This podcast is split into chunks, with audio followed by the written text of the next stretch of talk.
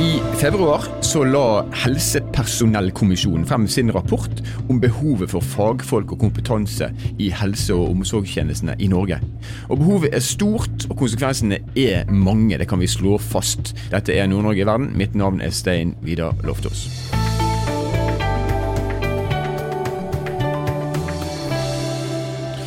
Senere i eh, denne episoden så skal vi snakke med Lill Sverresdatter Larsen, som er leder i Norsk Sykepleierforbund.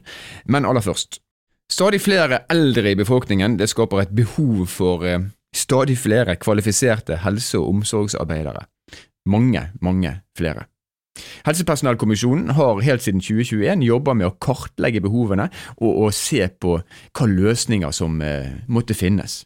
Og Nå har vi med oss lederen for kommisjonen, nemlig Gunnar Bovim. Og Hjertelig velkommen til oss i Nord-Norge i verden, Gunnar. Takk skal du ha. Dere leverte denne, eh, eller overleverte denne utredningen eh, tidlig i februar, og den har fått tittelen Tid for handling.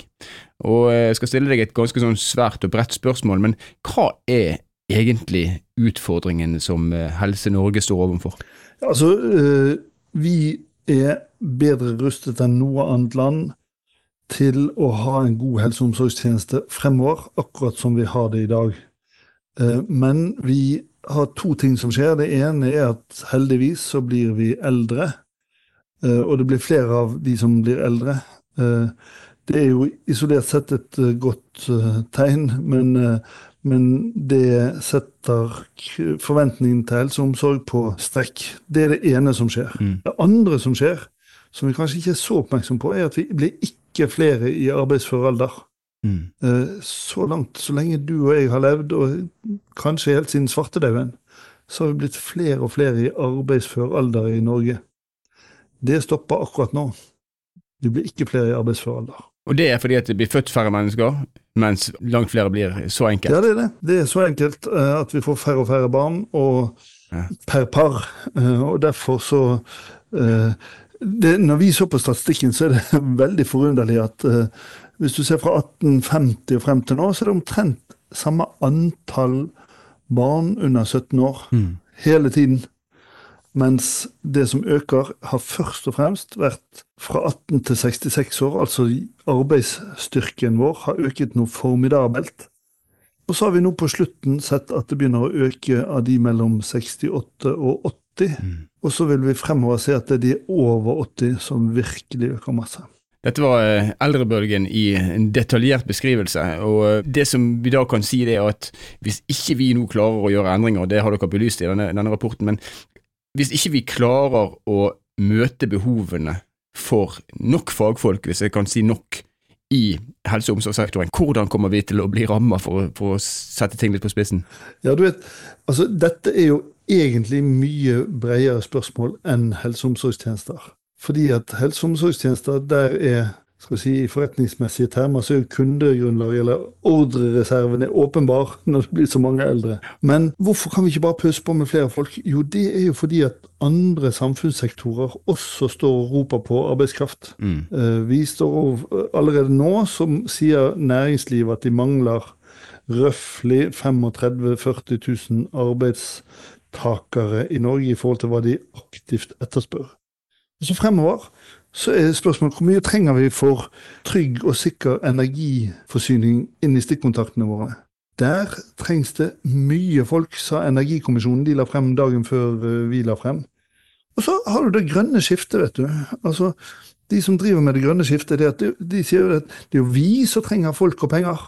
Det er jo for å få til en arvbar jordklode mm. at vi virkelig må sette arbeidsstyrken inn. Og de sier at vi trenger 100 000 årsverk til før 2030 mm. av en arbeidsstokk som ikke øker.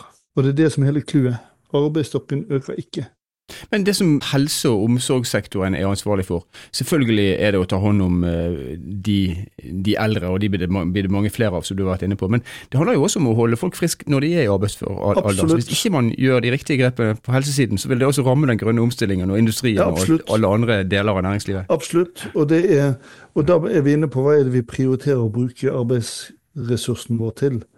Og det er jo sånn at hvis vi ser på, hvis vi sammenligner Norge med andre land, så bruker vi mye, stor andel av arbeidsstyrken vår på helse og omsorg. Altså, hvis vi regner med Nav og barnehager og sånt, så brukte vi så var det 7 av arbeidsstyrken vår som drev med helse og sosial i 1970. 7% 93% drev med andre ting. I 2020 så er vi over 20% som jobber i helse og sosial. Mm. Altså det er bare under 80% som finansierer dem, for å si det litt sånn brutalt. Og helse og omsorg har økt tre gangen i andel av arbeidsstyrken vår siden 1970 og til i dag. Noe av det forklares selvfølgelig ved at kvinner har kommet mer ut i arbeid. Før stelte man svigermor eller svigerfar eller mor og far hjemme ut, i ubetalt, uformell omsorg. Når kvinnen går ut i arbeid, så må vi selvfølgelig finne oss i at det finansierer vi gjennom lønnsblanketten til dem, og en større andel jobber med helse og omsorg. Men det forklarer ikke hele denne forskjellen fra fra under 5% til over 15 Det forklarer kanskje halvparten. Men det er vi har prioritert helse og omsorg høyt i dette landet vårt, og vi har kunnet gjøre det fordi at vi også har fått flere folk i de andre sektorene. Det som skjer framover nå, er at vi, hvis vi ansetter én sykepleier til, så blir det en ingeniør mindre. Før var det sånn at når vi ansatte to sykepleiere til, så fikk vi likevel en ingeniør til. Mm. Og det blir det store skiftet. Men du, du, var inne på det, det er en forskjell i Norge målt opp mot sammenlignbare land også, når det, er, når det gjelder hvor mange som er sysselsatt innenfor denne sektoren. her. Hvorfor er det, hvorfor er det forskjeller? Nei, Det er nok mange forklaringer på at det er forskjeller. Eh, det ene er jo at vi har hatt råd til det, og vi har råd til det sånn Vi har penger nok til å bruke mye på denne sektoren, og det bør vi sannsynligvis gjøre fremover, fordi at vi syns det er viktig. Så er det jo sånn at Norge er et spredt et stort land med få mennesker, og vi må finne oss i at helse- og omsorgsyrkene jo utøves veldig ofte én til én.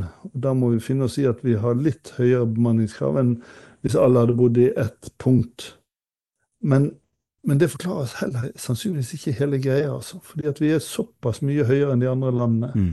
At vårt råd fra kommisjonen er at vi i større grad husholder med de ressursene vi har, i større grad endrer på jobbdelingen, i større grad gjør det på en mer effektiv måte enn at vi skal først og fremst søke etter at enda større deler av arbeidsstokken skal, bruke, skal settes inn i helse og omsorg. Men sier du da sentralisering, egentlig? Nei, ikke nødvendigvis. Men vi sier at vi må passe på at punkt én, at vi ikke gjør unødvendige ting. At vi bruker mest ressurser på de høyest prioriterte helse- og omsorgsoppgavene. Og at vi passer på at ikke vi bruker personellet vårt til ting som andre kunne gjort, sånn at vi husholder i hvert fall med det, de mest hva skal vi si, de mest utdannede ressursene, de mest spesialiserte funksjonene. De må brukes til de spesialiserte funksjonene og ikke gjøre annet arbeid. Sånn at vi, sånn at vi er mer nøye med å husholde. Og så tror et flertall i kommisjonen at vi bruker ganske mye ressurser på overgangen mellom førstelinjetjenesten, altså det som kommunene har ansvar for av helse og omsorg, og spesialisthelsetjenesten, som staten og sykehusene har hatt ansvar for. Se litt på grenseflaten der. Kan vi spare ressurser? Med f.eks. pasienter som enten står i kø til sykehuset, eller står i utskrivingskø fra sykehuset, eller mm. hva som helst i den overgangen. Så bedre prosesser på den ene siden, og la helsepersonell gjøre det helsepersonell er best til, og la merkantile ressurser gjøre det øvrige på den andre siden. Ja. Men du, nevner også penger, at vi har vokst fordi vi har hatt råd til det. Og Norge har jo, altså om noe, så har vi, har vi penger. Ja. Er det her en utfordring som vi lett kan kjøpe oss ut fra, eller? Nei, altså Det kan man jo diskutere. Uh, skal vi importere oss bort fra problemet, f.eks.? For, for greia er jo at det er grenser for hvor mye vi kan effektivisere i form av færre ansatte Eh, bare ved å f.eks. digitalisere. Eh, det er, en, er og blir og skal være en bemanningsintensiv sektor. Men skal vi da skal vi importere oss fra problemet, da, da ser vi en rekke ulemper med det. Det ene er hvem skal vi ringe til? Vi har altså flere ansatte per 1000 innbyggere enn noe annet land i Europa. Hvem av de andre landene vi skal ringe til og si at de må sende folk til oss, når de egentlig har færre sjøl? Vi har allerede i dag en stor import av helse- og omsorgsarbeidere. Spørsmålet er om det, om det er en vei ut. Det andre er hvis vi diskuterer innvandring av helse- og omsorgsarbeidere, så er jo det egentlig en generell innvandringspolitisk debatt som lå utenfor vårt mandat. For hvis vi sier at vi har en veldig restriktiv innvandringspolitikk, men du der borte, du kan få komme, for du kan pleie oss.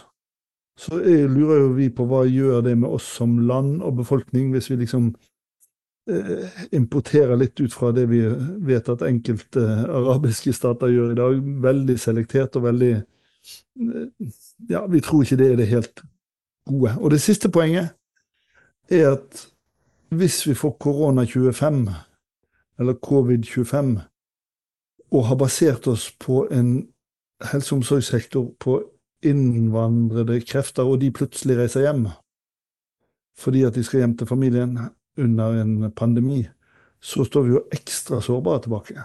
Da har vi basert oss på noe som er veldig på leirføtter. Helt eh, til slutt, Gunnar. Eh, nå kan jo hvem som helst gå inn og lese denne rapporten deres fra perm til perm, men hvis du skal gi oss highlightsene, hvis jeg kan si det sånn, altså de fire, tre, fire, fem punktene av råd som dere har gitt for å komme dette, denne utfordringen til livs, hva, hva, vil du si da? Hva er det viktigste? Ja, altså jeg vil jo oppfordre alle til å lese, selvfølgelig. Um, men jeg tror det viktigste, aller viktigste rådet, det var at vi må erkjenne i fellesskap at vi kommer til å måtte husholde bedre med de menneskelige ressursene i helse- og omsorgssektoren.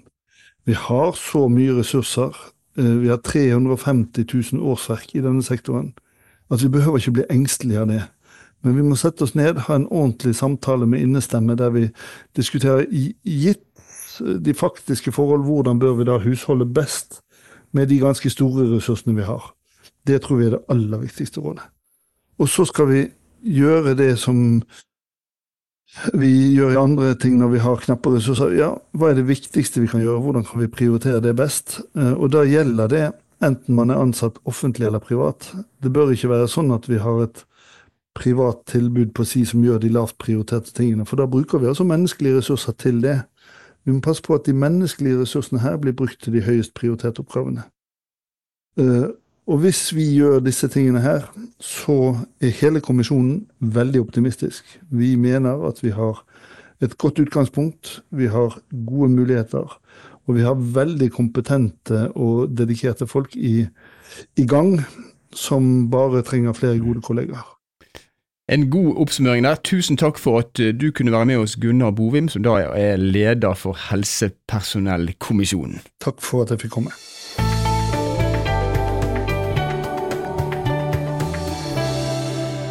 Vi hører eh, Bovim tegne et krevende bilde for å skaffe nok kvalifiserte fagpersoner til helse- og omsorgssektoren. Men denne problemstillingen den er på ingen måte ny for eh, Norsk Sykepleierforbund. Og nå har vi med oss leder i akkurat Sykepleierforbundet, nemlig Lill Sverres datter Larsen. Og hjertelig velkommen til oss, Lill. Tusen takk. Vi kommer ikke utenom at det blir færre ansatte per pasient. Det er det lederen av denne helsepersonellkommisjonen som sier. Hva tenker du om den konklusjonen, og hva vil, hva vil konsekvensene være? Litt sånn tja til det. fordi at uh, det kommisjonen peker på, at andelen helsepersonell av den totale arbeidsstyrken ikke kan økes. Og jeg er usikker på om det er riktig at det er 15% av arbeidsstyrken at det er en sånn type magisk grense som ikke kan, uh, kan brytes. Så, men, men, det er klart at vi, vi, må jobbe annerledes enn det vi gjør per nå. For at vi blir, eh, blir, ikke mange nok. Men om det er akkurat 15 det tror jeg ikke er en sånn magisk grense. Det vil være en del andre yrker utafor i andre sysselsettinger som eh, også skal automatiseres, eh, og vil kunne føre til at en større andel av folk som skal inn, og må inn i helsetjenestene for å Det som bør være avgjørende og bestemmende, er jo befolkninga sine behov. Ja. Men det er jo ikke noe nytt at det har vært en mangel på fagarbeidere innenfor denne sektoren her. Og du er jo en av de, dere er en av de som har påpekt dette over mange, mange år.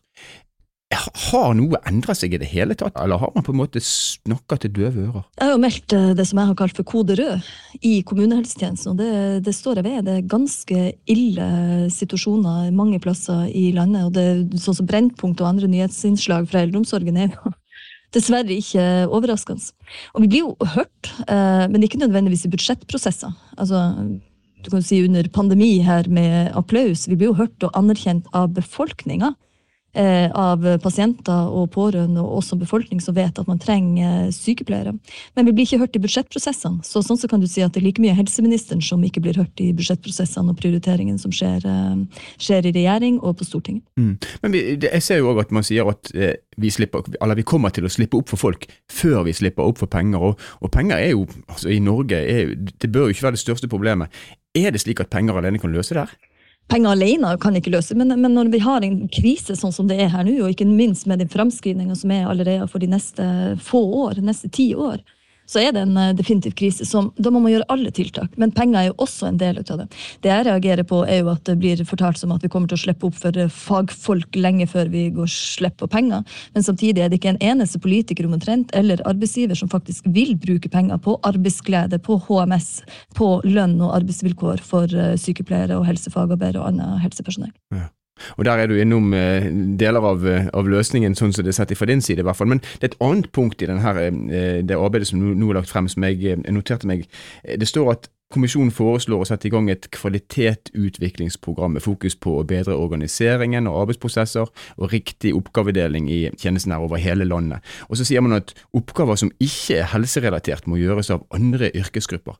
Har vi noen slags oversikt over hvor mange merkantile oppgaver, altså i prosent, som gjøres av de som egentlig er helsepersonell i dag? Landet Norge har ingen sånn type oversikt. Det burde det egentlig ha vært gjennom Helsedirektoratet burde gjøre den type målinger. Eh, men vi som Sykepleierforbund har gjort medlemsundersøkelser som viser at 70 eh, av sykepleierne beskriver at de gjør daglige arbeidsoppgaver som eh, som de oppfatter ikke er, er sykepleierrelatert. Du trenger ikke sykepleierkompetanse for, for, å gjøre det. Samtidig så er det jo et land med en eh, stor geografisk avstand òg, som f.eks. Eh, ute på Kvaløy. altså En beskrivelse av at her er det en sykepleier som sendes ut. Du må kjøre en time for å komme frem til pasient for å gjøre det, det du må. Men når han først er der, så gjør han også det ryddende i kjøleskapet, gjør forefallende arbeid, måker sne osv. Det er jo definitivt ikke sykepleieroppgave. Men det ville jo heller ikke vært verken bærekraftig eller klimamessig bra om du da skulle kjøre både vaktmester, renhold og assistent samtidig, når du fortsatt trenger en sykepleier.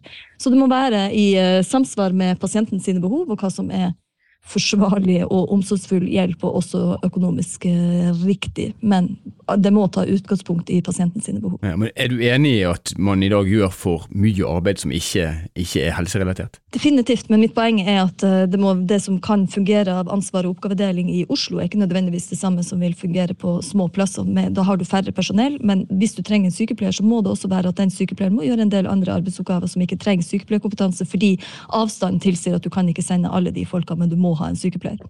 Men definitivt masse oppgaver innenfor både renhold, portør, klinisk farmasøyter, sosionomer, helsefagarbeidere, altså som skal kunne gjøre deler av det som en sykepleier gjør i dag. Mm. Og nå bruker du begrepene kode rød i, eh, i Kommune-Norge, og du snakker om eh, et eksempel fra Kvaløya, eller fra, kan du si, utenfor de største byene i hvert fall. Og vi vet jo at mangelen på helsearbeidere er spesielt prekær ute i distriktene. Og for oss i Nord-Norge, da, som stort sett er distrikter, så er det her eh, noe vi ordentlig kjenner på. Tenker du at vi bare må venne oss til å leve med et generelt dårligere helsetilbud når man kommer utenfor storbyene? Nei, det syns jeg ikke. Det blir helt feil. Fordi vi også trenger bosetting og næringsliv eh, i distriktene. Det meste av, eh, av inntekter til landet skjer jo nettopp i, i distriktene. Og for å faktisk sikre bosetting og næringsliv, så er du også avhengig av at du har gode velferdstilbud. og Det gjelder både helsetjeneste, og det gjelder skole og andre ting.